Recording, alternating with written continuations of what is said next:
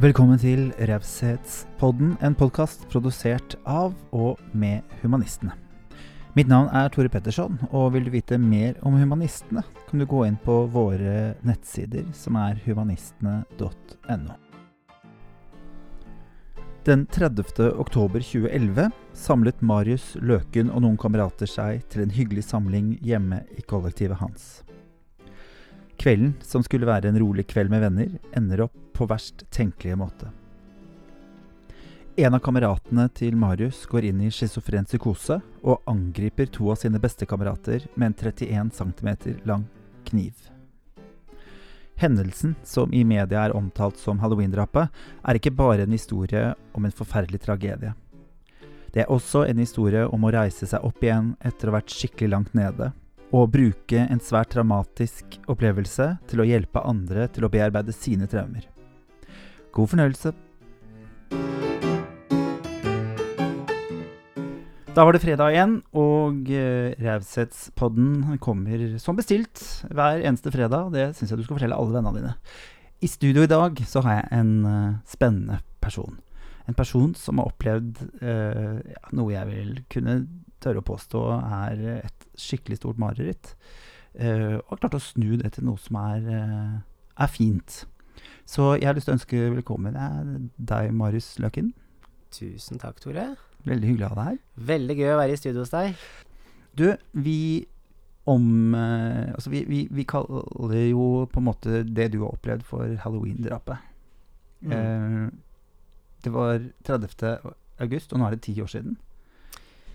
Det er, ja, det er gått ti år. Mm. Tida flyr. Og ja, det var i media som døpte det til halloween-drapet, faktisk. Så det har bare hatt det navnet, navnet siden. Ja. Syns du det er um, At du, man gjør det litt sånn tabloid på en eller annen måte? Veldig amerikansk, vil jeg i hvert fall si. I hvert fall til oss i ganske uskyldige Norge i forhold. Ja. Og så er det noe med at uh, det gir jo et stempel, og så lenge Man kunne ikke bytta navn på det i ettertid. For når det har vært inn og ut i mediene, i, i hvert fall de første to-tre ukene, så var det så godt uh, implementert at liksom halloween-drapet, ja, det var det hektiske greiene som skjedde på Bislett, da. Mm. Så, så kan man også si da at uh, det er veldig mye lettere for meg hvis folk spør meg hvorfor har du et arr der, eller hva har du gjort, eller hva jobber du med, så kan jeg si halloween-drapet. Så det skal sies at det er jo noen litt sånn eh, kjekke ting som har blitt litt sånne hacks i hvordan kan jeg raskest mulig fortelle hva som har skjedd, da. Ja. Så det skal sies også. En kniv på 31 cm eh, kutta deg 20 steder. Mm det, det er jo noe du lever med hele livet? Jeg kommer vel alltid til å se litt ekstra barsk ut på stranda. Det ja. kommer jeg ikke fra.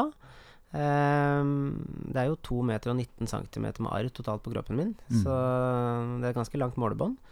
Men um, det skal jo sies at uh, nå har det gått så lang tid at uh, det handler jo litt om, eller gjorde det for meg, å etter hvert begynne å ta litt eierskap som gjør at uh, når du nevner arr nå, når vi sitter her ti år etterpå, så vekker jo det en stolthet. Ja. Uh, selv om det kan være absurd for noen.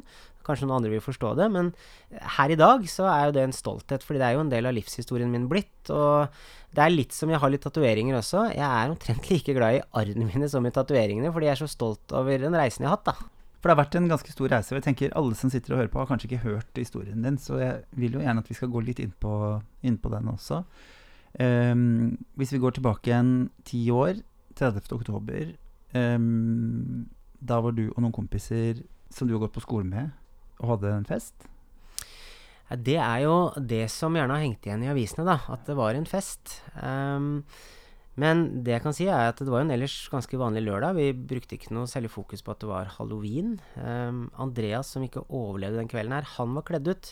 Han var kledd ut som Zorro, uh, og det var vel den eneste pekepinnen som liksom kunne dra oss mot halloween. Men det var en ellers ganske vanlig lørdag i leiligheten hvor jeg bodde da med en barndomskompis jeg hadde kjent i uh, mange år, mens en jeg hadde blitt kjent med ganske nylig, eller det siste året. Og så var da flere andre barndomskompiser på besøk. Og så tok vi etter hvert en liten tur ut. De jeg bodde med, de ble igjen, for de var slitne. Og jeg og Andreas og en kamerat til, vi, vi mm, tok oss en liten bytur. Ingen ville slippe inn Zorro, så jeg husker den kvelden mest som at vi gikk og traska og det var ikke måte på at uh, det kostymet de, de, ville ikke ha inn. For det var ikke så mange steder som hadde gjort noe ut av det. Hadde noe temafest eller ting som kanskje Andreas hadde tenkt, da. Og etter hvert så, så tar jeg først kvelden. Vi var så nærme leiligheten der vi endte opp til sist, at Andreas eh, spurte om ikke jeg kunne passe på verdisakene hans til han også var ferdig. Han ville være ute litt til. Han møtte storesøster på det, på det stedet vi endte opp på, og da syntes jo han det var gøy. Kunne showe litt og være sorry og være litt klassens klovn. um, da kom jeg tilbake til leiligheten. Gutta som jeg bodde med, hadde jo skrudd av lyset, og jeg legger meg, legger meg på senga. Holder meg våken rundt 20 minutter, så kommer også Andreas hjem. Og når han da skal bare inn på soverommet mitt for egentlig bare hente verdisakene sine, og egentlig ta en drosje hjem til seg, så, så legger han seg ned på, på, senga mi. Det var en ganske stor og digg seng, så det er en sånn type seng som frister når du er litt sliten. Mm. Så sier jeg da at men du kan sove her, så tar du trikken i morgen, sparer du penger til taxi i dag, f.eks. Og så slukner Andreas ganske raskt, men jeg har ikke sovna før uh, den ene barndomskompisen min, da, som jeg har kjent en stund, han, han stormer inn på soverommet. Og så er det veldig tydelig at han akkurat har stått opp. Han har kun på seg en boksershorts. Og så har han da med seg da den 31 cm uh, lange kjøkkenkniven. Som, uh, som, opp, gjør at det oppstår fullstendig kaos der inne på soverommet. Og jeg tror først at dette må være en spøk. Hva er dette her for noe? Hva, skal vi tulle med hverandre nå? Nå drar vi det for langt. Og så ser jeg jo at dette er jo den kniven vi bruker ganske på daglig basis. Og så går han da til angrep på Andreas, og jeg skjønner at dette skjer, og at liksom dette må jeg ta inn over meg, jeg må reagere. Og da får jeg etter hvert sparka da barndomskompisen min av Andreas, altså vekk fra den situasjonen som er ganske intens. Og så går han da til angrep på meg, og jeg får da noen knivstikk i overkroppen. Um, kjenner på det tredje at nå er det noe som er galt. Altså han må ha truffet noen lunger eller et eller annet, for jeg mister litt kroppsholdning. Så da um, beiner jeg ut uh, av leiligheten, men jeg blir tatt igjen. Så vi har et basketak på utsiden av leilighetsdøra, altså plattingen mellom etasjene i, i tredje. Og der, um, der, ligger vi og slåss til jeg da til slutt har blitt så hardt skada at jeg må rope på hjelp. Og det hører heldigvis naboen i femte. Han beiner ned og ser hva som skjer, og så hoier han og skriker, og liksom, han skjønner at han må lage en avledning. Han får da barndomskompisen min etter seg, og så kommer naboen i trygghet i egen leilighet, for han har rask til beins, mens jeg får jo luka mi. Så jeg får jo da liksom sjangla meg opp, kommer meg nedover etasjene, kommer til slutt ut på gata, der står det en bil. Det viser seg å være Monir, en helt rå drosjesjåfør i Oslo Taxi. Eh, for han durer av gårde til legevakta. På, på, litt over fire minutter så han, eh, har han kjørt fra Bislett og ned til legevakta i Hausmanns gate i Oslo, for liksom jeg måtte være kjent der. Der står det en ambulanse. Drar meg ut av drosja, uh, durer opp til Ullevål, legger meg på operasjonsbordet. Tre operasjoner. Elleve uh, dager i medisinsk koma. Og så våkner jeg da opp, får beskjeden om at Andreas lever ikke lenger. Han er faktisk også gravlagt, for jeg har vært borte en stund. Uh, jeg får beskjed om at barndomskompisen din er i psykiatrien. Uh, han er til utredning. Uh, jeg får presentert avisforsidene. altså Lillesøster forteller meg liksom sånn Her står uh, Rode, som da var politimester. Hun står på Grønland politikammer og forteller om saken. Alt var så absurd. Og da var det egentlig bare å ta inn over seg at oi, jeg har vært så nærme å miste livet. Eh, barndomskompisen min har gått i en akutt psykotisk schizofreni. Det er skrevet Gud på veggen. Det har vært inn og ut av avisene. Andreas lever ikke lenger, og jeg er hardt skada. Og da var jeg også tilkobla respirator. Og det er kjempefrustrerende, for da får man ikke prata. Så jeg måtte jo vente i, i, en del flere dager før jeg kunne begynne å sparre med omverdenen og fortelle min historie, og, og i det hele tatt kommunisere ordentlig, da. Så det var, det var hurtigversjonen av det som skjedde en ellers vanlig lørdag, som plutselig ble en vanvittig hendelse, da.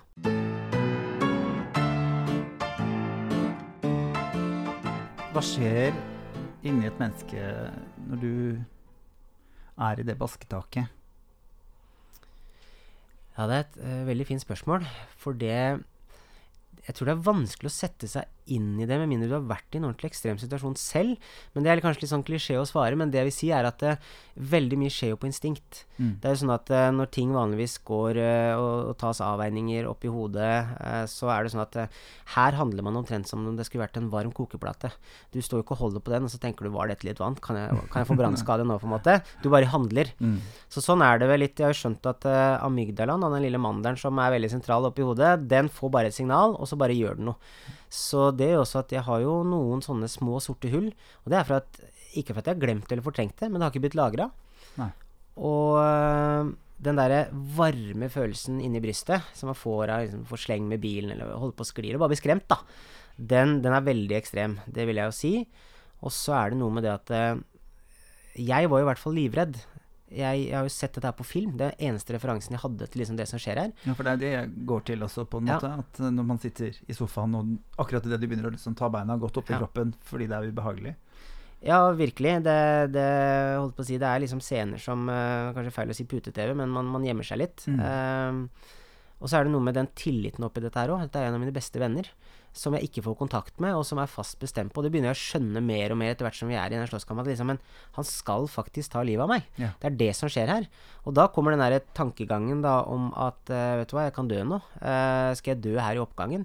Uh, altså, da begynner virkelig huet å spinne, og du får en sånn dødsfrykt.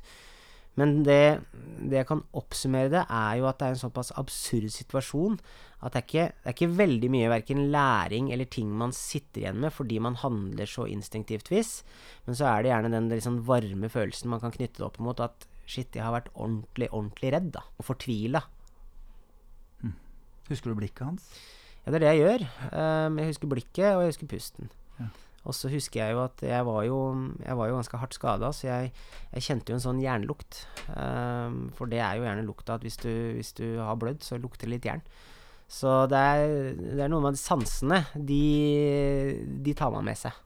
Og de blir jo litt skjerpa òg, da. Det er jo litt sånn al- alarmberedskapen funker. at Liksom, Mm. alt bare er i høyspenn, da. Det er en et så sinnssykt uh, heftig historie du har uh, vært igjennom, og jeg vet at du hadde mange psykologer.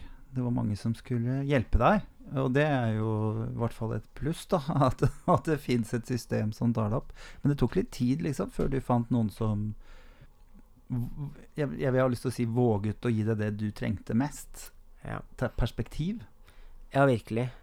Um, nei, det, det som du sier, det er jo et fantastisk system. Altså, vi har jo så mye gode fagpersoner og et så bra system, tross alt.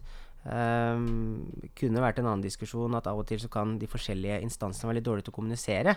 Men det er jo ikke det det gjerne handler om i min historie. Der, der går det jo på at uh, jeg gjennomskua, og det må man ta med en klype salt, men jeg gjennomskua at flere av de psykologene jeg gikk til, de hadde ikke vært i nærheten av å møte på en med et sånt traume som det jeg hadde. Nei. Og da tror jeg det rett og slett eh, var veldig lett for meg å dømme situasjonen og starte litt i, i oppoverbakke når jeg møtte psykologene. Så litt sånn feil tid og sted. Eh, mange av de samtalene jeg hadde med de, det var fire forskjellige psykologer, vel å merke. Eh, to ble jeg jo på en måte tvunget til av systemet, mens to oppsøkte jeg selv for at mine, mine nærmeste ville at liksom, men Marius, gjør de forsøkene du kan, nå er du en del av et system. Eh, men så var det bare noe med det at eh, jeg følte at verken psykologene eller de rundt meg hadde jo noe som helst trening i min situasjon. Så det var veldig vanskelig for de å vite skal vi be Marius om å skjerpe seg nå. Eh, Er dette her uh, sutring, eller er dette uh, traume? Er det sånn at han skal ha puter opp under armene og, og, og få middagen servert, eller kan han faktisk bli med å lage middag nå? Altså for å virkelig ta det ned til basic, da. Mm. Og det der tok omtrent like lang tid, føler jeg, for de rundt meg som det gjorde for meg, til å skjønne hvordan takler man en sånn situasjon. Eh, hvordan er man rundt en person som har opplevd dette her? Og så skal det sies at eh, noen begynte jo å prate litt hardt til meg, annet Jarle, en dørvakt eh, jeg møtte, jeg møtte eh, når jeg var på afterski, egentlig altfor tidlig. Jeg prøvde jo å gå ut på byen, fordi det er jo det sosiale jeg var vant til. Jeg ville jo ta tilbake hverdagen. Eh, gjorde nok det litt for tidlig, men jeg, men jeg visste jo ikke annet. Det var jo min måte. Men eh, da treffer jeg på Eller Jarle, dørvakta i Hemsedal, som også har vært naboene vår tidligere. Han ringer meg dagen etterpå, og han sier jo rett ut, Marius, nå må du faen meg skjerpe deg. Husker jeg at jeg ble veldig sånn furten og snurt og liksom bare men sånn våger'n, på en måte. Mm. La meg være. Altså, du kjenner jo meg i familien, du vet jo liksom at Vi har vært igjennom, altså. Så gikk jeg liksom kverna på det, da, men det er jo noe med det at eh, siden historien var så alvorlig, så tror jeg jeg var litt ekstra lenge nede i kjelleren. For det var så vanskelig å finne referanser rundt meg som kunne hjelpe meg. Og så skal det sies at når alt kom til alt, så hadde jeg jo et vanvittig godt advokatteam. Og det kommer plutselig inn her, fordi eh, både Jon Christian Elden og Karen Forbrug, som var advokatene mine, hadde jo vært i gamet veldig lenge. Og det det gjerne fører med seg, at de kjenner jo andre i det gamet. Derav Lars Weiseth, som er eh, Altså, han er jo professor i psykiatri, men han er også utdanna eh, lege, eller da doktor. Um, han er jo forsker. Han har, um, han har vel en tittel som oberstløytnant i Forsvaret. Jobba masse med altså Forsvaret, Nato, FN osv. Han har vært sjefpsykiater i Forsvaret. Ja, for det var det som slo meg, egentlig. At her burde det jo komme inn noen som kommer fra krig. Ja. Også for det er jo det kroppen din har gått igjennom. Ja. Mm. Jeg, uten tvil så hadde jeg godt av å møte en altså Jeg vil jo si at han, Lars Weiseth, eh, for meg ble jo det en levende legende. Mm. Han uh, fortalte meg at uh, sånn har du det nok nå, sånn har du nok hatt det. Nå skal vi gjøre litt ting som kommer til å være bedre for deg. Vi rekonstruerte, vi gikk gjennom hva hadde jeg gjort bra. Man kan jo veldig fort få skyldfølelse fordi jeg har overlevd, og ikke Andreas. Og det bærte jeg jo på. Mm. Han fortalte meg masse statistikk. Han fortalte meg at mareritt er der bare for at du skal kunne overleve en lignende situasjon. Jeg begynte å, å miste mareritta. Jeg opplevde at Lars Han ga meg noen klare rammer. Så sier han at vet du hva, du har maks fem år igjen, sånn jeg leser det. Om fem år så kommer du til å være veldig mye sterkere mentalt. Er noen verdt og du skal gjøre litt nå framover. Men det at jeg egentlig skulle til en utredning fordi jeg skulle ha erstatning, altså i forhold til erstatningsrettssaken, yeah. det gjorde at jeg møter en av de råeste menneskene jeg vil påstå i Norge innafor psykiatrien som kaller en spade for en spade, og så viser meg at Marius, du har kanskje spilt i skal vi si, sånn tippeligaen Eliteserien, hvis vi tenker fotball, men det fins ligaer i andre land som er bedre, og så har du Champions League og EM og VM og en haug med turneringer som er tøffere i nivå. Så jeg skjønner jo da at uh, jeg er jo ikke den eneste som har en kjip historie. Verden er full av de. Og det er mange som har kommet seg på bena, og de har gjort sånn og sånn, og jeg, jeg havna rett og slett i en Jeg havna i rett liga, kan man vel ja. si da. For det er jo mye snakk om nå dette med, med psykisk hjelp, da. Opplever du på en måte at uh, At det er litt sånn måfå, hvor man ender opp hen, på en måte? At man, man, får tak i en psykolog, og så satser man på at alle sammen er like gode på det samme, eller hva?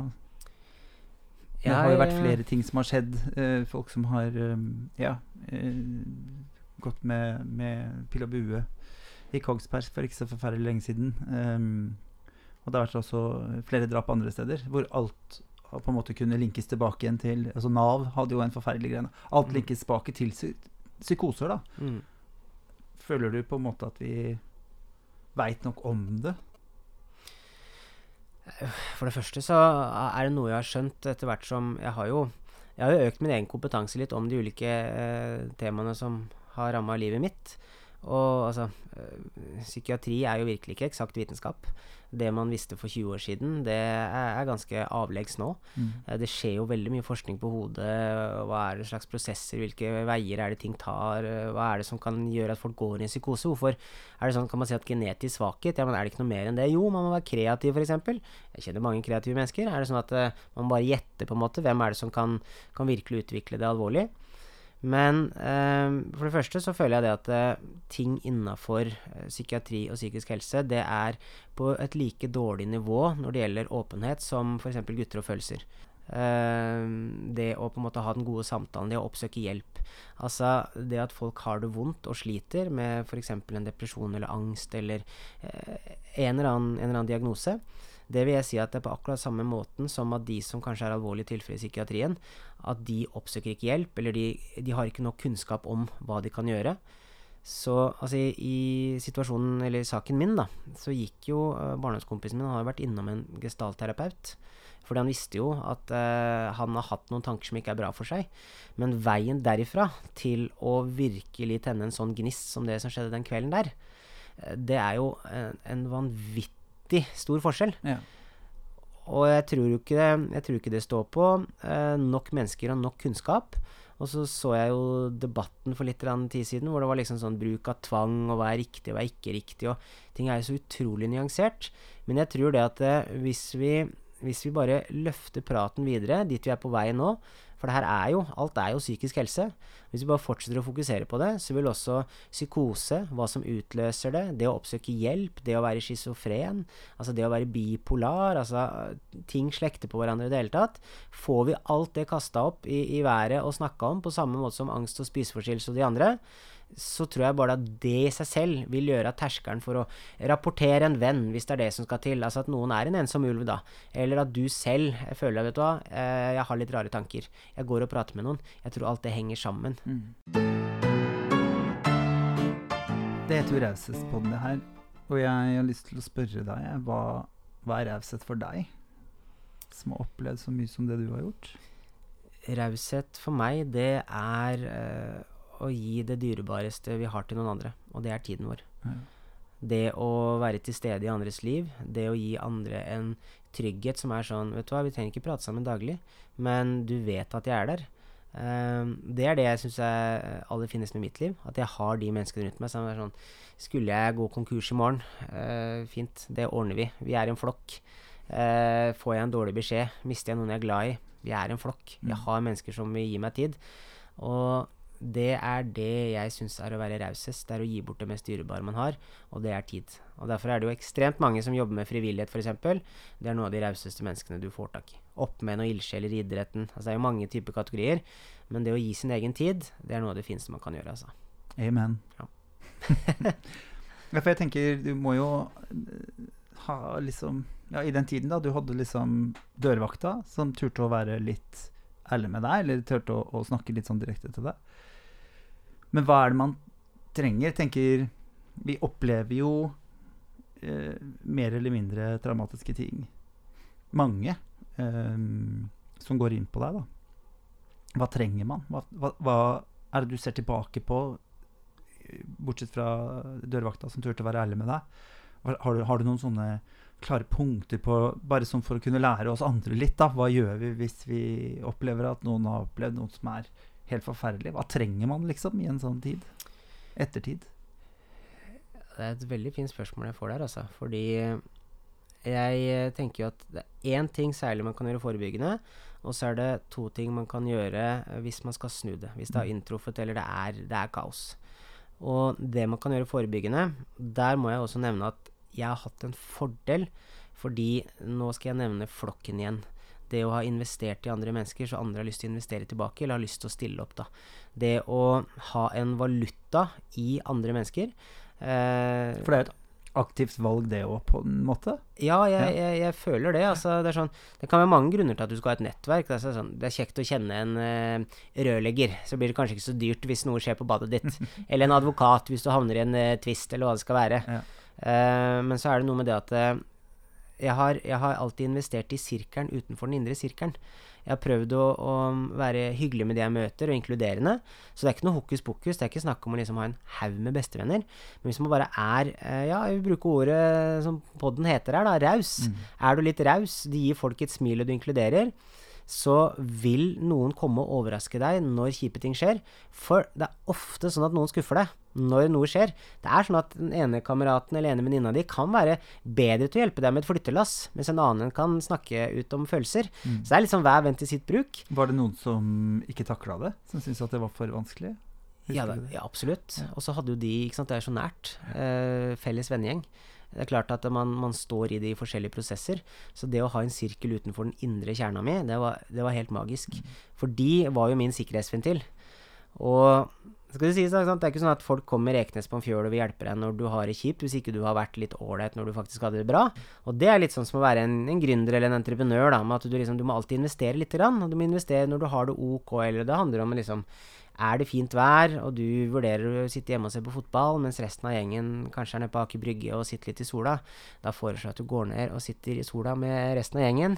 Fordi det er det som kommer til å være avgjørende hvis du havner i en krise. Og du vil gjerne at folk skal savne deg hvis du, hvis du skal i grava, litt brutalt sagt.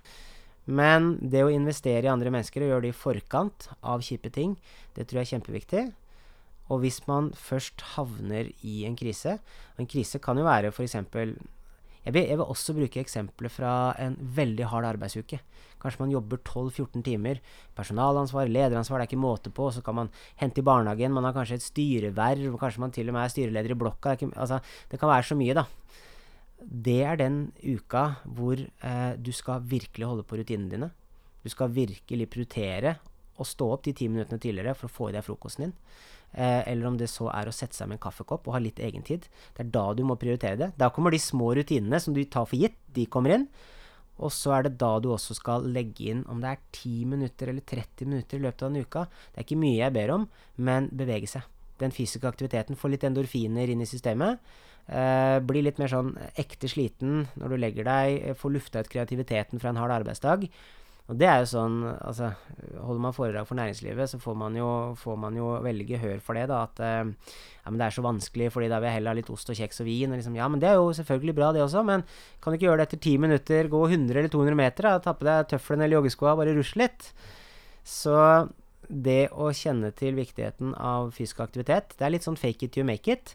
Du tror ikke du trenger det, men det er veldig sjelden man har uh, følt seg dårlig etter en gåtur eller en Man liten angrer ikke på en gåtur. Nei. Nei, man gjør ikke det. Nei. Og det å, å tenke på at nå skal jeg ha rutiner, det er de små tingene. Det er den ekstra vaska med klær som kan gjøre at du får litt mer ut av dagen hvis du står i noe ordentlig kjipt. Men ikke minst da Det starter med at du, hvis du kontinuerlig tar vare på flokken din, identiteten og tilhørigheten din som de er en del av, så du veit at liksom man er et samla team, da handler det bare om at du må ha orden i eget hode, og det kan gjøre med å lufte hodet fysisk. Og så må du ha litt rutiner, for da orker du og får du tid til ting, og så får du litt mestring. Så det var sånn. Det ble en lang, ble en lang pitch, Nei, pitch, men det er men, veldig, eh, veldig fint. Jeg bare, jeg, det som slår meg, liksom et sånt motto jeg har hatt siden jeg viste trynet mitt på TV for første gang. De du møter på vei opp, de møter du også på vei ned. Det er jo litt sånn den greia du, du snakker om her, da. Det der med å investere litt i de folka man har rundt seg. mm. Sånn at hvis det plutselig går dårlig en dag, så skal man møte de samme trynene, og de skal si 'neimen, dette får vi til'. Ja, men det er jo sånn at altså, verden er så liten, så Mm. man møtes igjen. Og som det er ti år til. Og det er sånn øh, Hvis noen har invitert meg på et foredrag til en videregående skole, så sier jeg at det, de menneskene du sitter med her i salen, de kommer du til å møte igjen i løpet av de neste ti åra. Mm. Og de kan enten velge å åpne dører for deg, eller lukke dører for deg. Og er du bare hyggelig og inkluderende, så er det mer enn nok. Da holder de i hvert fall døra på gløtt. Ikke sant. Du snakker mye om flokken din, og eh, jeg, jeg satt, jeg, det slår meg jo liksom Jeg har en veldig god vennegjeng, jeg er veldig glad i vennene mine. Håper at de syns at jeg har invitert, eh, nei, investert mye, mye i de òg. Men jeg har jo vært, kanskje vært litt sånn valgt litt feil i forhold til det der med med dørstokkmila med trening, da. eh, For alle mine venner hater å trene. Um, men jeg bare vet at du Der fikk du mye hjelp. Du gikk jo på Norges topp idrettshøyskole, stemmer det? Norges idrettshøyskole. Ja, idrettshøyskole, ja. Stemmer. Em, så, eh, så da har man jo på en måte, hvert fall på den treningsfronten, da valgt helt riktig gjeng å henge, henge rundt. Men jeg bare syns det var litt sånn fint, fordi du fikk en oppfordring av Lars Weiseth, hvis jeg ikke husker helt feil, om å begynne å trene. Begynne å trene igjen. Fordi du hadde jo trent mye før, mistet, mistet masse muskulatur. Mm. Um, og så hadde du jo en svær vennegjeng som trente, og som tok deg med. Det har litt å si, det òg. Definitivt. Det, det, Det er gøyere å gå de 100 meterne med noen, på en måte. Ja, men av og til så er det sånn ikke sant? Motivasjon er jo veldig sånn ferskvare. Mm. Og det kan man ikke kontrollere. ikke sant? Det, eh, jeg, får- jeg får ofte spørsmål, faktisk. bare sånn derre Kan du eh, fortelle meg hvordan du finner motivasjon, eller hva, hva kan skape motivasjon, eller kan du motivere meg? Så enkelt. Så er det sånn Nei, det er veldig vanskelig. For det er eh, umulig å vite dine triggerpunkter. Men jeg, jeg bruker å si at uh, jeg har veldig lite selvkontroll, men jeg har veldig mye selvinnsikt. Eh, det betyr f.eks. at eh, jeg vet at hvis jeg drikker mer enn tre øl, så kan det fort bli fire-fem. Det er et veldig konkret eksempel jeg tror mange nordmenn kan kjenne seg igjen i. Det betyr ikke at jeg ikke har selvinnsikt, jeg vet at det skjer. Så jeg vet at drikker jeg mer enn tre øl, da kan jeg like godt drikke fire-fem. Da blir det en ordentlig bytur, liksom. Men det jeg mener da med den metaforen der, det er at jeg vet også, når det kommer til trening, at noen ganger så er sofaen helt magisk. Eh, Den indre stemmen forteller meg at Marius, her fortjener du å ligge. Nå fortjener du å ha beina høyt, nå fortjener du å gå inn på Volt. Sjekk om det er noen kule, kule dealer som har kommet der. Prøv noe ny mat. eh, sett på en god serie. Den indre stemmen, 80% av det man forteller seg selv, er styrt av følelser, så det er ikke rasjonelt. Så, så det jeg vet, er at jeg må eliminere sjansene. Akkurat som at uh, hvis ikke du skal spise søtsaker, jeg må starte med å ikke ha søtsaker hjemme. Så jeg visste at jeg måtte være en del av treningssenteret hvor jeg hadde mange som trente. Jeg kunne ikke bare velge det første og billigste alternativet for at det kosta 199 f.eks. Det ble sats, fordi der var det mange. Og så måtte jeg gjøre avtaler, fordi det er vanskeligere å bryte avtale med andre enn å bryte avtale med seg selv. Oh yes. Så det der eh, Det henger veldig sammen at ja, jeg hadde jo reddet opp flokken min sånn at jeg hadde jo en del som var glad i trening. Og det var jo en kjempefordel. Så det også kan jo være kanskje et tips i forkant. Da. Vi vet jo at vi kommer til å møte med motgang. Det er jo litt av det som er å være menneske. Kjekt å ha i hvert fall en på jobben som kanskje liker å ha morgengymnastikk, eller som du kan henge deg med, da.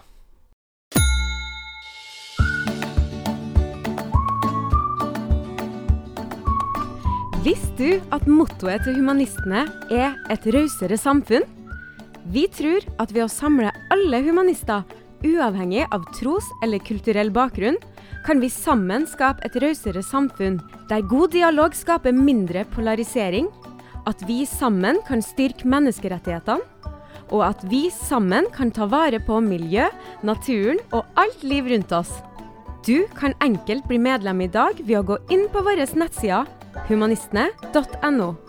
Medlemskapet er gratis, og du er hjertelig velkommen til vår rause og inkluderende bevegelse.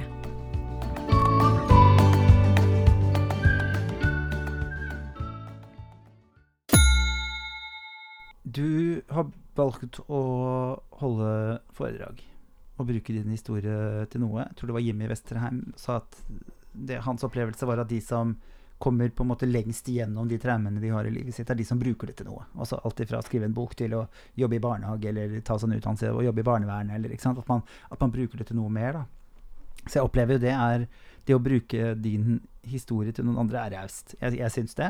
Det er noe du overhodet ikke behøver å gjøre, men du velger allikevel å gjøre det. Men jeg er jo så alltid syns det er spennende å høre, da. Hvor raus er du med deg sjøl? uh, ja, det, det, er et veldig bra spørsmål. Uh, jeg, jeg tror jeg kan være raus, men jeg, jeg, tror nok jeg Jeg har blitt veldig godt kjent med meg sjøl de siste åra. Og jeg veit at jeg Jeg kommer ikke unna det at jeg, jeg er jo født og oppvokst i et hjem hvor uh, det er meningen at du skal ha mange venner. At du skal ha stort nettverk. Det er viktig. Eh, at folk liker deg, det er, jo, det er jo viktig. Så da kommer litt den der hvordan du beter deg. Eh, ambisjoner, det at du skal utrette ting, det at du skal bruke talent osv. Så, videre. så det er jo liksom det jeg hele tiden krangler med. At den indre stemmen er liksom sånn Ja, men har du jobba hardt nok? Har du gjort det? Kunne du gjort det? Hvorfor gjør du ikke sånn? Så det, det, er vanskelig å gi et sånn veldig nøyaktig svar på det, men eh, jeg prøver å være, raus i forhold til at jeg setter av mye tid til det sosiale, for det gir meg energi. Så det er litt min egentid. Jeg bruker å si at jeg er så sosial at det er så vidt jeg sitter på, på do aleine, på en måte. Jeg har ikke besøkt deg gjerne, da, men jeg sitter i telefonen. Men øh, jeg prøver å være raus på den måten, og så prøver jeg hele tiden å fortelle meg, for det tror jeg er viktig, at uh, Tua Marius, du må, du, må, du må, sette pris på at folk vil høre på historien din. Og så tar jeg veldig, veldig godt imot all tilbakemelding jeg får. For det er hverdagsøyeblikkene. Så uh, det er et litt sånn diffus svar, da, men jeg håper jeg fikk fram, fikk mm. fram noe av det. Nei, jeg syns det var kjempefint. Jeg tenker på um, Du har jo lært deg sjøl ganske godt å kjenne, vil jeg tro, i løpet av den reisen du har vært på. Og jeg tenker alltid at når man har opplevd noe så traumatisk uh, Jeg også har jo mine traumer fra mine opplevelser i livet mitt, men jeg har jo ikke Kan du ta meg litt gjennom, liksom For jeg bare tenker at når, når, det kan hjelpe så mye på deg, så må du jo i hvert fall hjelpe på noen som har litt mindre traumer. Altså, har du litt sånn Kan du forklare meg litt den veien du har gått? Ja, og jeg kan jo først begynne med å definere at uh, Altså, eh, traumer, motgang, vanskelige situasjoner eh, Altså, livserfaringer er jo så individuelle, og de er, de er så forskjellige fra person til person. Eh, så hva det er som får en til å gå litt ned i kjelleren, eller som skaper uro eller frykt, eller opptar tankene, det, det, er kjempeforskjellig. Eh, jeg bruker jo ofte å si at forskjellen på motgangen min og, og, mange av de jeg møter, om det er eh, rundt i Norge med foredragene mine, er egentlig at min historie har vært i avisa. Og så er det nesten mer positivt at når jeg først skulle få et traume, at det er så voldsomt. Og det jeg mener med det, det er at eh, når man opplever det jeg har opplevd, så kommer det et system rundt deg med en gang. Det er satt en del forventninger til at jeg skal ha det vondt, som gjør at det traumet jeg har vært igjennom, selv om det er vanskelig og hardt, så vil jeg at alle liksom hører på, og, og, og deg også, Tore, altså at uh, traumer er så forskjellige. Og eh, jeg har hatt det lettere enn mange, mange mange andre der ute som har sine traumer fordi det har vært et så voldsomt traume. Så det er, det, det, er som, eh, det er, litt som, at hvis man først skal liksom ødelegge bilen, så er det greit at da ryker hele bilen, så får du ny bil, enn at man driver og bytter støtfanger her, og så er det lyset mm. og så er det Ja. ja. ja. Men, eh, men, jeg tror det aller viktigste, det er å eh, begynne å reflektere over situasjonen sin. Ehm, de fleste altså, Vi har jo en kjeller av en grunn, det er jo kjekt å bruke kjelleren litt av og til, si. Men uh, det er veldig mye læring i det. Og jeg tror, jeg tror det at uh, hvis du har satt av litt tid til deg selv, hvis du har litt egentid, uh, hvis du vet at den indre stemmen, den, den, har du noen ganger imot deg fordi den er urasjonell, den er styrt av følelser, ikke, ikke fornuft og, og, virkelighet nødvendigvis. Um, så jeg tror det er kanskje det viktigste tipset jeg kan gi til andre, det er at um, vær litt i det et eget selskap. Uh, fortell deg høyt hva du kjenner på og du føler. Uh, så vil du etter hvert også skjønne at vet du hva, I dag er det jeg som snakker meg selv ned. I dag er det jeg som lager det verre enn det er. I dag sto jeg på litt feil fot. Nå må jeg skjerpe meg, på en måte. Sånn kan man bruke den indre stemmen, og det er kanskje det viktigste jeg har gjort. Det er at jeg, jeg er blitt veldig kritisk til hva jeg sier til meg selv. Jeg har bl.a. Uh, tatovert en stor bjørn på brystkassa. Og det er litt for at jeg vil ha det der brølet der hver gang jeg står og pusser tennene om morgenen. For da vet jeg liksom at uh, ok, nå, nå, har du en litt sløv dag, Marius. Stå på riktig fot allikevel, på en måte, da. Jeg hadde jo en prat med min uh, ekskjæreste hvor jeg sa sånn Åh, må, det er så mange dårlige dager innimellom. Og da sa han til meg at uh, jeg vet ikke om jeg kan love deg en hel god dag, men jeg kan, øve, jeg kan love deg masse fine øyeblikk. Og det ble litt sånn slag i trynet for meg. Fordi jeg tenkte sånn Ja, fader, det er det jeg skal leite etter. Det er jo de ja. øyeblikkene. Det at morgenen er dritt, da betyr ikke at lunsjen er dårlig. Altså at det går an, det går an å, å, gjøre ja, mye, med, mye mm. med tankene, da. Ja, nei, eh, siden du trakk fram noe fra Jimmy Westrheim, så kan jeg trekke fram noe. Han ja. lærte meg eh, for noen år siden at eh, Eller vi satt i, i um, Hverdagssyken, hvor vi var programledere begge to for noen år siden. Og da hadde vi med oss en fra, fra Ipsos som hadde gjort litt undersøkelser. Um, og så kommer Jimmy blant annet da, med en statistikk som han fører til, som er at uh, man har rundt 50 gode dager i løpet av et år. Okay. Det betyr ikke at man har 315 dårlige dager, men det er veldig mye hverdager. Og um, noen av de er jo, er jo dårlige, ja, for det er dårlige dager har man. Gode dager er jo vel også veldig individuelt. Hva er det? på en måte? Er det bursdag, er det julaften, er det høytid, er det eh, lønningsdag, er det en god beskjed eller en fin karakter på skolen? Men eh, det betyr at vi har jo da 315 dager som er ok. Og der handler det jo om å finne alle øyeblikka. Ja. For ellers så blir jo hverdagen fryktelig, fryktelig grå og trist. Mm. Og det er jo der det kanskje er litt kjekt å ha en rutine, da, om det så skal være at liksom, vet du hva, uansett hvor stressa dagene har vært, sett seg ned, om det er bikkja, om det er en venn, om det er samboeren, kona, gubben, se en serie dere liker, eller prioritere et lite hverdagsøyeblikk. For det trenger man, da holder man hodet over vannet. Det er som du nevner der, da, med de små øyeblikka, i hvert fall når vi vet at vi har, vi har 315 dager som er ok. Det er ganske mange tusen av de dagene vi lever, så de der små tinga, de er viktige, altså. Mm. Veldig fint.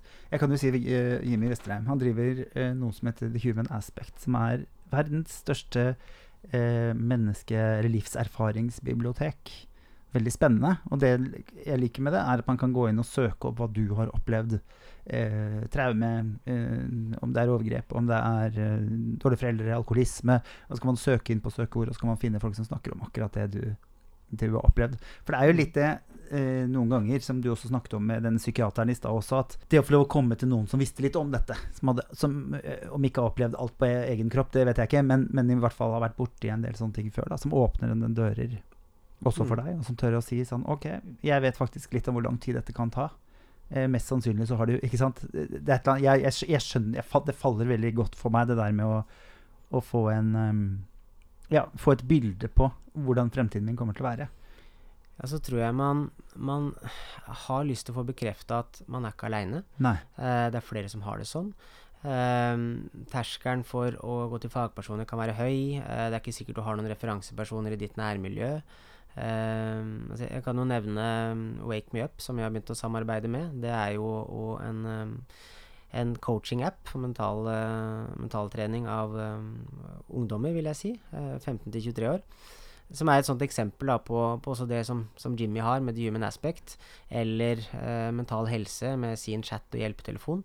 Det at man har den type aktører som er med og tar det vakuumet, det har jeg kjempestor tro på. Så jeg bruker, jeg bruker, å lure inn uh, Wake Me Up, faktisk, når jeg, når jeg, er rundt. Og det er rett og slett bare for at jeg føler det det er et veldig kult konsept, og det er en veldig lav terskel. Hvis man ikke vil prate med læreren sin eller en medelev eller de hjemme, så er det et alternativ hvor man kan få coaching og veiledning. Og det er jo sånne som meg man kan møte som man, som man skravler om, eller skravler med, som er ambassadører. Vi, ikke er vi rakettforskere, ikke er vi psykologer nødvendigvis, men vi kan fortsatt ha den gode samtalen. Og så kan vi snakke om at livet noen ganger bare er urettferdig. For mm. det syns jeg vi skal kunne anerkjenne. At liksom, av og til er det bare skikkelig urettferdig. Hvorfor skjer dette med meg? Hvorfor får jeg den motgangen? Hvorfor nå? Alt skjer jo på en gang òg, ikke sant? Ja. Så noen ganger er livet bare urettferdig, men da er det jo, er det jo noe med det at uh, Altså, vi begge to er jo pratsomme folk.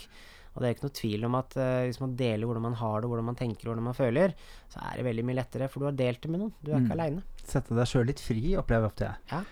Um, ja. jeg har, til, jeg har noen venner som jeg ringer til, da melder vi oss inn, som vi kaller det. Um, hvor vi bare Ok, hvordan er det å være deg akkurat nå? Og da er det lov å bare komme med hva som helst? Da Er det lov å bruke den andre som, som søppelbøtte? Og det, det, er helt riktig som du sier, det der med å bare få lov til å si det til noen.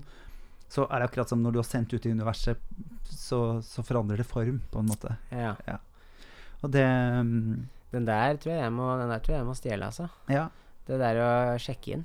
Ja, Det var egentlig veldig ja, gull. Jeg tenker at det syns jeg vi skulle vært mye flinkere til i møter og arbeidsplasser. Og altså, jeg, tenker, jeg er veldig opptatt av debrief. da Ja. Og det handler jo veldig om det du har også fått lov å oppleve. Det der med å kunne debrife med noen, gjerne med noen som var der helst. da Nå hadde jo ikke du noen å, å snakke med der, men, men det der med å få snakke igjen, da trenger man ikke nødvendigvis en profesjonell psykolog, eller man trenger ikke noen som er ekspert på dette, men bare noen som kjenner igjen og veit automatisk hva du snakker om, da. Som jeg tror Ja. er veldig, veldig bra. Og bare det å kjenne at man blir, blir tatt imot Ja, det fint. med alt du er, da. Mm. Men jeg har lyst til å si, eh, spørre deg et spørsmål. Um, hvis du kunne møtt deg sjøl som um, 16-åring, 15-16-åring, hva ville du sagt til deg sjøl da? Da tror jeg jeg ville Jeg tror jeg ville sagt Senk skuldrene. Det ordner seg. Og det Sånn ve veldig enkelt sagt. Og det, det jeg legger i det, er jo at det er jo så mange utfordringer. Det er så mye man ikke kontrollerer. Det er så mye man kommer til å stresse over. Eh, og da kunne jeg fortalt meg selv da med ett ord, og oppsummert f.eks. at vet du hva, eh, kjærligheten den må du ikke vinne når du er 16. Kvisene dine de vil ta slutt. Eh, det er ikke sikkert du blir profesjonell fotballspiller, men det er ok. Uh, det kan hende du bruker opp stipendet ditt altfor raskt. Det kan hende du ikke kjøper leilighet i tide som du kanskje hadde satt deg, men vet du hva, det ordner seg. Ikke tenk på det. Eh, du kommer til å få masse erfaringer, og du kommer til å se livet annerledes for hvert år som går. Tror du han ville hørt på det? Nei. Nei. ja, men det er litt sånn rart, det der. Eh, hvordan eh, Marius, 16 år, 15 år, ville tatt imot sånne ting. Men jeg tenker jo at eh, hvis jeg, jeg skulle ønske at dette på en måte var et sånt mantra fra barnehagen av. At dette bare går igjen hele tiden. Det kommer til å gå fint. Du må ingenting. Det er jeg veldig opptatt av. da. Du må Mm. ingenting. Eh, det er noen ganger man, eh, man eh, føler at man må, men da tenker jeg at jeg vil dette fordi jeg vil ikke ta konsekvensen og ikke gjøre det. Ja. At jeg snur det heller Ja. den veien. At det er et valg jeg går inn og tar. Og de tingene som jeg kjenner Det å tørre å sjekke inn av og til. da, Og bare være litt sånn Er dette noe jeg har lyst til å bruke tiden min på? Hvordan ser livet ditt ut om fem år? Uh, ja, nei, da Jeg har lyst til å legge litt ambisjoner på bordet, da. Ja. Og det er jo for at jeg har jo stadig blitt bedre på det engelskspråklige, da. Så jeg har jo en liten ambisjon om å kanskje få se litt mer av verden. Eh, Jeg vet jo at det er jo ikke bare i Norge man setter pris på at man deler en nær historie og i det hele tatt. Og psykisk helse gjelder jo over hele, hele kloden. Og der opplever jeg at Norge har kommet veldig mye lenger enn veldig mange. Definitivt. Nei, så jeg har lyst til å, jeg har lyst til å øh, gå litt utenlands. Det hadde vært veldig spennende. Og så Nå har jeg jo en liten familie, da. Kanskje jeg har øh, enda et barn til òg. Det lukter vel noe sånt, sikkert. Men da er vi jo satt da i den A4-ramma, og så får jeg prøve å være minst mulig A4 oppi det hele. Ja. Du har blitt pappa Jeg ble pappa for uh, litt over åtte måneder siden. åtte måneder siden. Ja. Sover du nå? Eh, ja, jeg må jo si det. Og, og jeg har jo en samboer som er helt rå på å ta ekstratak. Så det må jeg jo sant, benytte anledningen til å skyte inn. Men eh, det skal sies, altså. En absurd hverdag og et instinkt, og man blir bekymra for ting man aldri trodde man skulle bli bekymra for. Og man blir glad over ting som eh, at eh, barnet ditt eh, slipper en fis, liksom. Det er helt utrolig.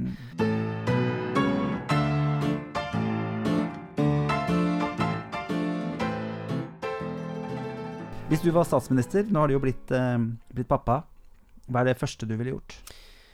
Ja, det første jeg ville gjort, det er å gått på skolesystemet. Og så ville jeg fjerna en tre-fire fag. Eller fjerna sånn som geografi, for vi har Google Maps. Så vi Mhm. kommer jo ikke til å bruke kart og kompass i så veldig mange flere år. Bytta det ut med eh, den gode samtalen. Jeg bytta det ut med alt fra mentaltrening og prosesser til eh, tabubelagte temaer. Eh, psykisk helse. Eh, jeg har lært veldig mye av Lars Weiseth, så for å nevne en ting han har vært veldig flink til å fortelle meg, så er det at eh, vi mennesker vi er vant til veldig mye. Eh, hungersnød, det å sulte, det å eh, være i krig, det å jakte, det å overleve. Eh, er det noe vi ikke er vant til, så er det eksponering. Eh, nærheten til alt. Reaksjonstid. Så enten man er 12 i dagens samfunn, eller man er 72, så er det noe med at vi skal lære noe til neste generasjon. Den innebærer sosiale medier. Hva er vanskelig? Eh, hva er hardt? Statistikken viser jo at det, det er mye vondere og, og, Eller noe av det verste man kan bli utsatt for, det er uthenging i media. Mm. Altså at du, naboen din har en formening om deg, det kan være ille nok for en privatperson. Er du en offentlig person, at mange har meninger om deg, det er blytungt. Alt dette her, det skal vi lære videre til nye generasjoner, og det har vi ikke kapasitet til på skolen i dag. Og det er det jeg mener med at vi må ha inn sosiale medier, press, eksponeringer. Eh, vi må ha med det at eh, du sjekker jo på Instagram om naboen har bytta dekk på bilen. Du løfter jo ikke på kjøkkengardina engang. det er jo helt absurd, men For alt rett inn i TV-stolen. Mm. ja, eh, og det mener jeg at trenger i hvert fall øh, et par øh, egne og nye fag, fordi vi skal gi læring videre. Så det hjelper ikke å, å vite hvem som starta første verdenskrig og hva spanskesyken var, hvis ikke du har noe som helst formening om hva skjer når du logger på Instagram-account når du er ti år gammel. Hvilken retning går livet ditt? Og da ville jeg gjort det som statsminister. Høres sikkert ut som en klisjé, siden jeg er foredragsholder, psykisk ja, helse er det som er viktig, men liksom Jeg Ja. tenker det er fint, ja. Jeg tenker det er godt å begynne der. Og, og det tar jo på en måte fram også eh, start når de er små. Ja. Det er vel egentlig det jeg leser ut av det.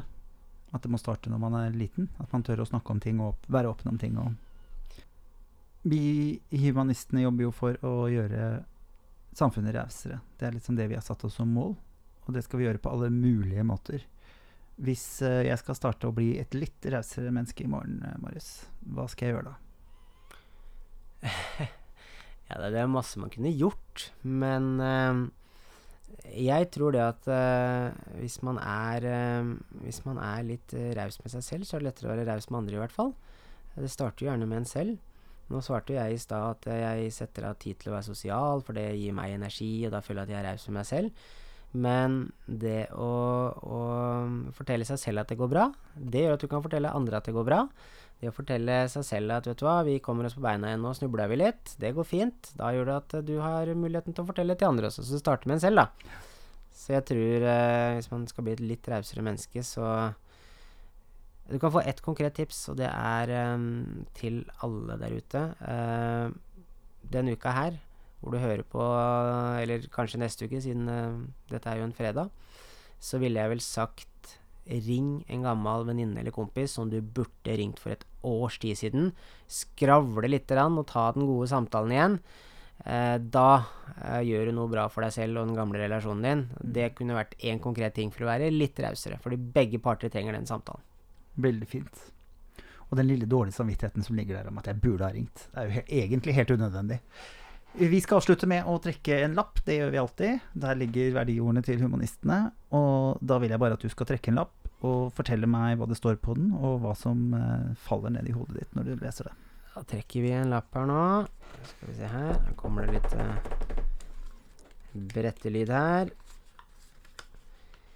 Likeverd. Ja. Det første som detter, meg, detter ned i hodet på meg Alle har en mental helse. Alle er eh, Hva skal jeg si eh, Psykisk helse er minst like viktig som fysisk. Eh, vanskeligere å se enn et beinbrudd, men kanskje nesten desto viktigere. Og så tenker jeg jo Jeg er veldig norsk, ikke sant? Så jeg, merker jo at det, det kommer jo litt sånne typiske ting fra, fra hele livet som er sånn at ja, men vi er et felles samfunn, vi, det er et spleiselag, eh, ting skal være rettferdig i det hele tatt. Men eh, det, det jeg ville sagt hvis jeg nå, nå har jeg jo grubla på det et minutt også, litt ubevisst, så ville jeg sagt at eh, det skal være 100 likhet eh, for absolutt alle mennesker. Og det gjelder uansett uh, diagnoser, uansett uh, hvor du er i verden, uansett uh, ja, disse klisjeene med, med um, hudfarge, religion osv. Så, videre. så um, Men jeg liker å Siden det, er- meg, og, og um, siden vi snakker om litt, litt lignende synergier i våre foredrag, Tore, så vil jeg jo gjerne rette det dit at liksom Vi har alle en psykisk helse, og den er like viktig uansett utgangspunkt. Veldig, veldig fint. Veldig spennende å snakke med deg, Marius. Veldig hyggelig at du ville ta turen hit til uh, Raushetspodden. Veldig koselig å sitte her og prate litt. Ha den gode samtalen. Ja, det er, eh, vi trenger jo det. Det er mye, det er mye god terapi i å ha denne, denne podkasten, skal jeg si jeg Tusen takk for at du kom. Du har nå hørt på Raushetspodden, en podkast produsert av og med Humanistene. Hvis du vil vite mer om Humanistene, gå inn på humanistene.no. Hvis du trenger noen å snakke med og har opplevd eh, noe som er vanskelig, så kan du ringe hjelpetelefonen på 116 123. 116 123. Da gjenstår det bare for meg å ønske deg en riktig, riktig god helg.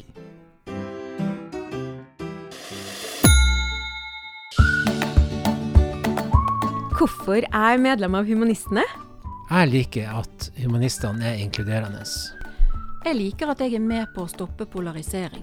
De jobber mot urettferdighet. Jeg liker at de er opptatt av miljøet. Jeg liker at de arbeider for menneskeverd, likeverd og for menneskers rettigheter. De er rause. De er rause. De er rause. De er rause. De er rause. De er rause. Bli med i Humanistene du også. Det gjør du enkelt på humanistene.no. Humanistene et rausere samfunn.